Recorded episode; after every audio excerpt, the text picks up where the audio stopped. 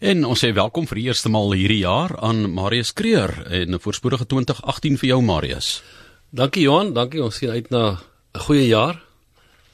Uh, ek sê altyd te mense moet maar jou die jaar vir jouself goed maak, moenie wag dat die regering of iemand anders dit moet doen nie, want dan net jy dalk is jy dalk weer teleurgesteld.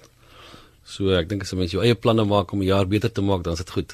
Ja, ek dink baie keer dan sê mense ek het nou nuwejaarsvoorneme, ek gaan dit doen, maar dit is 'n kontinuë proses in in geld sit en wag nie vir 'n ou jaar of 'n nuwe jaar nie. Drama gebeur, dinge gebeur en uh, jy wil graag vandag oor jou beleggingsportefeulje praat. Dit is nou mense wat belangstel om hulle geld te belê en die beste daarna om te sien na aanleiding van die Steinhoff gebeurtenis.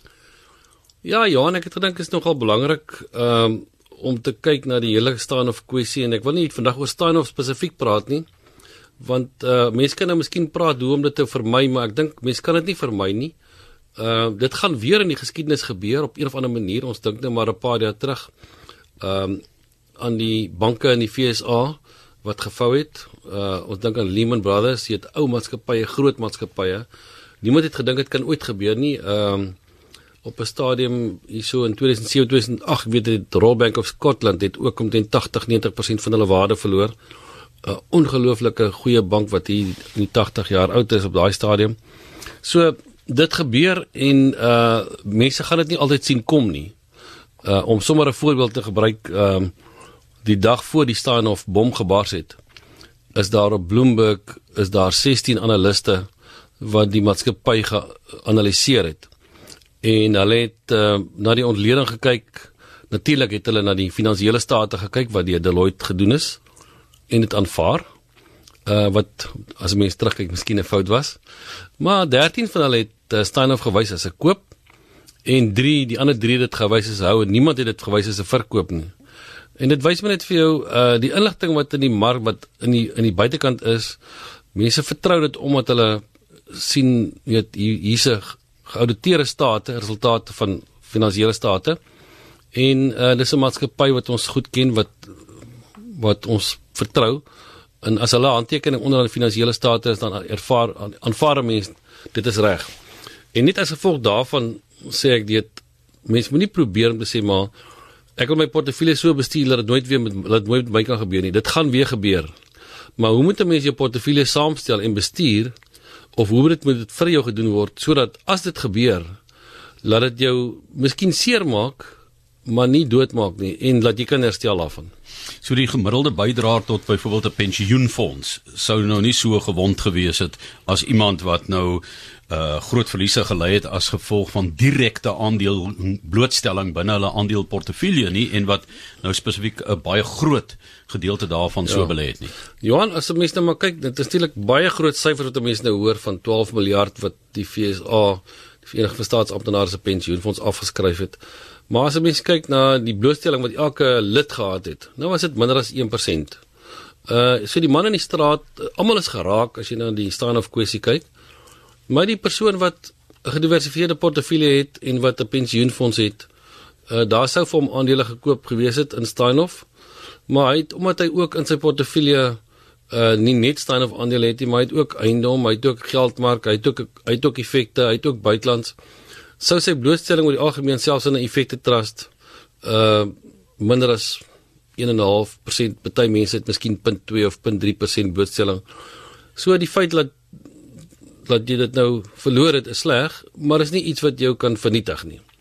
Ek dink wat die slegste is op die, op die stadium as 'n mens kyk na die verliese wat mense gely het is die mense naby aan aan meneer Jooste wat hom maar vertrou het en op grond van sy ehm um, rekord van diens en prestasie in die maatskappy groot geld direk in die aandeel gekoop het en natuurlik dan ook wat ek miskien meer wil oor praat is mense wat in direkte aandele portefeuilles belê. Het sy dit self is of het sy dit deur 'n portefeulje bestuurder? Ehm um, en hoe hoe moet 'n mens dan daai portefeulje saamstel sodat indien so iets gebeur dat dit jou nie gaan doodmaak en jy kan herstel daarvan? So almal wag eintlik vir 'n wenk. Iemand moet vir jou wenk gee en dan gaan jy dikwels te groot risiko aan as iemand sê jong, hierdie ding gaan nou gebeur en jy vat 'n klomp van jou geld en belê dit daar en dan werk dit dalk nie. Met een uit 1000 het dalk gewerk of een uit 100 het gewerk, maar 99 het geval. So dit is die gevaar van daardie vorm van risiko, né? Ja, ek dink ek dink wat ons maar gewoonlik sê is mense moenie besluite maak as jy nie ingelig is nie. Uh Warren Buffett sê altyd hy belê nie in 'n maatskappy wat hy nie verstaan nie, wat hy nie weet wat hulle doen nie. Daarom kry mense iemand wat vir jou kan navorsing doen en dan 'n portefeulje saamstel van aandele of bates wat daaroor navorsing gedoen is. Uh die goeie mense gewoonlik maar by die braaivleisvuur van hoor of iemand wat by 'n maatskappy werk wat sê jongens gaan goeie resultate bring of jy weet nie op daai stadium of hierdie of hierdie inligting wat jy het alreeds in die pryse is of nie. So dis maar altyd gevaarlik om op 'n kort termyn aandeel te koop. Dis maar spekulasie en ek, en ons is nie in ons is nie in daai bedryf nie. Maar ek dink van die foute wat wat beleggers maak en ek dink ook portefeuljebestuurders is mense raak baie keer verlief op 'n aandeel. Ons het al baie keer by ons persone gekry wat 'n groot aandeleportefeulje het wat miskien net 3 aandele het of miskien 10 aandele maar hy 30 of 40% dalk in Sasol en dan sê hy vir ons onthou net julle verkoop nooit my Sasols nie want hy het 'n goeie ervaring met Sasols gehad hy het miskien Sasol op R18 gekry en nou Sasol R400 of wat ek al en hy sê jy verkoop nooit my Sasols nie. Maar daar is tye wat wat 'n mens dalk Sasol wou verkoop het, wat jy hom dalk moes verkoop het, maar daar was risiko geweest. En ek dink dis die fout wat mense maak met sekere aandele. Uh dat hulle verlief raak op die aandeel en die aandeel het laas jaar miskien vir my baie goeie opbrengs gegee. En nou dink hy maar ek moet eintlik meer van hierdie aandeel in my portefeulje sit want dis dan my beste aandeel. Nou vat hy sy persentasie blootstelling waar hy dalk 8% of 10% gehad het, vat hy dit dalk na 15 of 20% toe. Ehm um, ek het die afgelope week ehm um, 'n aandeleportefeulje gesien van 'n individu wat dit self bestuur wat 36% in Naspers het. Nou ek dink daai persoon voel ontsettend goed op die oomblik want Naspers was die beste aandeel die afgelope jaar. Ehm um, en dit sal dan maklik wees om vir jouself eintlik te oortuig en sê maar kom ek kom ek koop nog nog Naspers. Nie dat Naspers nie 'n goeie maatskappy is nie. Maar jy oortree dan die beginsel dat jy nie jou portefeulje dat jy nie risiko bestuur nie. Want wat maak jy as jy 36 of 40% Naspers het en dieselfde gebeur met Naspers? Ons sien as reeds 'n ondersoek na multi-choice ensovoorts. Ek sê nie dit sal gebeur nie. Maar nou gebeur daar met 'n maatskappy soos Naspers iets en die, en die maatskappy verloor 50% van sy waarde. En ewe skielik het hierdie persoon 18 of amper 20% van sy portefeulje afgeskryf. Nou dit is nie so maklik om om te herstel daarvan af. Onthou net as jy 20% afgeskryf het, dan jy 80 oor dan moet jy 25 maak op by 80 om weer by 100 te kom. Plus die, die vorige jaar se inflasie van 6. Dus so jy moet 31% maak om te kom waar jy gewees het voor jy nou hierdie verlies gevat het. En dit is die dit is die gevaar wat mense die ander die ander probleem wat mense natuurlik kry is as jy 'n aandeel het wat vir jou redelik goed gedoen het en daar gebeur iets in die mark waar die aandeel se prys baie vinnig afkom dan sê jy vir jouself baie keer, maar die aandeel se prys was dan nou laas R50 gewees en nie kan ek hom nou vir R30 koop. Dit moet 'n goeie koop wees. Sonder om te gaan kyk, wat is die rede vir die vir die goedkoop prys? Hoekom hoekom sê die mark die die aandeel is goedkoop? Hoekom hou die mark nie van die aandeel nie? En baie keer as jy reg, dan koop jy die aandeel en die mark het het 'n fout gemaak en dan kan jy goeie geld maak. Maar baie keer gaan koop jy dan nog van hierdie aandele wat hy goedkoop is en dan gebeur dit so staan nou wat hy dan nou baie goedkoper word en dat jy weer daai reël oortree van uh ek het net te veel blootstelling gevat in hierdie een aandeel in my portefeulje en dit gaan jou dan nou baie seermaak. Hoe 'n uh, goeie barometer is die top 40 indeks om daarin rond te speel of moet 'n mens ook buite dit beweeg? Ja, dan is dit as jy dit het, onthou net die top 40 indeks is gebaseer op die grootte van die maatskappy, die markkapitalisasie. Met ander woorde, jy gaan 'n klomp goedkoop wat jy nie eintlik wil hê nie. Jy dink jy kom kom koop 'n klomp groot maatskappye en jy kry dan die indeks. En jy's nou gediversifiseer in 40 maatskappye. Jou probleem is net daarso. Jy kry mynbou aandele wat jy dalk nie op die stadium wil hê nie. Jy kry dalk op die stadium as dit baie swak in die ekonomie gaan, uh, kleinhandel aandele wat jy dalk nie wil hê nie. Dit is my probleem met 'n indeks. Jy koop 'n klomp goed wat jy nie wil hê nie en net as gevolg van die grootte. En nou in die top 40 is Naspers so groot gewig. Ek dink as jy by die 24% van die top 40. Uh laat jy weer daai eintlik daai reël oortref. Anders as daar iets met Naspers gebeur, selfs binne kan die top 40, gaan dit die daai hele indeks baie seer maak. So dit is my probleem met 'n met 'n om met 'n spesifieke indeks te koop en ek sou dan liewer wil hê ek wil 'n gediversifiseerde aandeleportefeulje hê van ten minste 20 aandele plaaslik en miskien nog 20 in die buiteland waar dan miskien 60% van my aandeleportefeulje plaaslik is en 40% buiteland. Nou het ek dan klaar gediversifiseer tussen die wêreld want dit die buitelandse aandele gaan heel moontlik FSA, Europa, dalk 'n bietjie Tencent, China en Verenigde Koninkryk en dalk nog 'n bietjie ehm um, Switserland se aandele ook in hê. So ek het redelik gediversifiseer. Maar nou het ek net nou het ek darmal 40 aandele in my portefeulje in totaal. So wat gebeur nou as daar een aandeel is wat seer kry soos wat staan op seer gekry het? My blootstelling is heel moontlik nie meer as omtrent 6% nie. Want ons het 'n reël, sê maar as ons 'n aandeleportefeulje bymekaar sit, mag ons nie meer as 8% in een aandeel sit nie. En die oomblik as jy dit doen en jy kry 'n scenario waar Naspers so goed doen en jy het net 8%, eweskielik lyk jy nie goed teenoor die mark nie.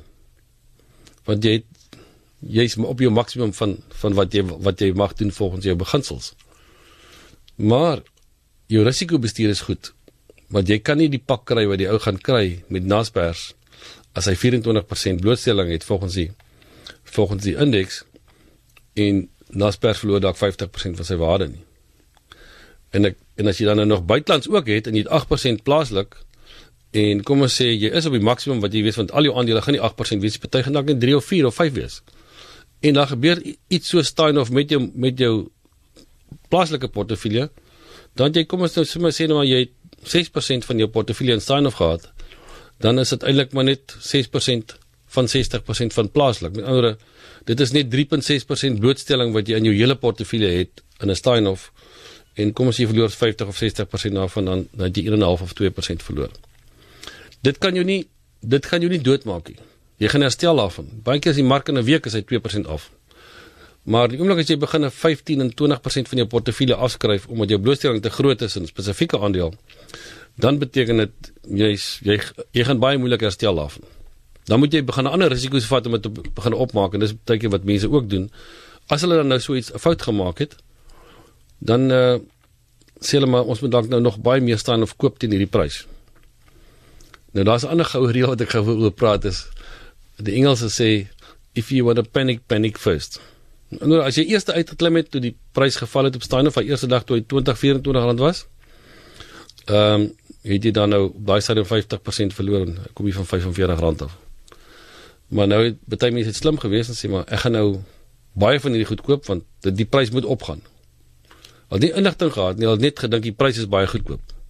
Dit het dalk op 10 of 12 rand gekoop en nou hoop hulle maar die prys gaan nou hoër. Nou gaan hy na 4 rand toe En nou dink jy gaan dalk na 0 toe, dan verkoop jy dalk op 4 en dan verkoop jy het jy ook 'n groot verlies. So ek dink een van die ander goed wat mense nou gesien het met die Steinhoff ding is dat mense raak baie impulsief. Ehm um, hulle kyk net na 'n 'n 'n prys en nie 'n waarde nie en dit die prys sê vir hulle koop of verkoop.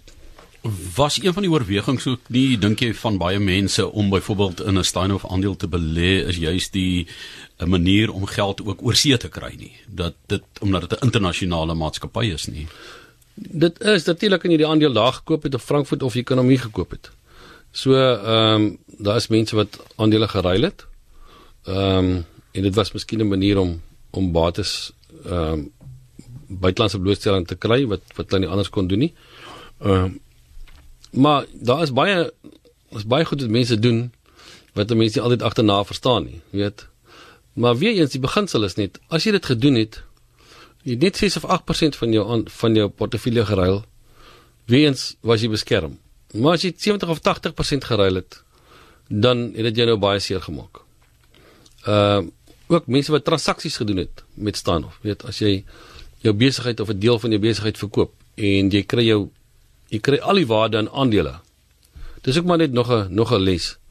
Ehm uh, baie keer bou iemand 'n besigheid op met die doel om te verkoop of hy bou net op en dit raak 'n baie goeie besigheid en hier kom 'n groot maatskappy en sê ons wil 'n aandeel koop in die besigheid.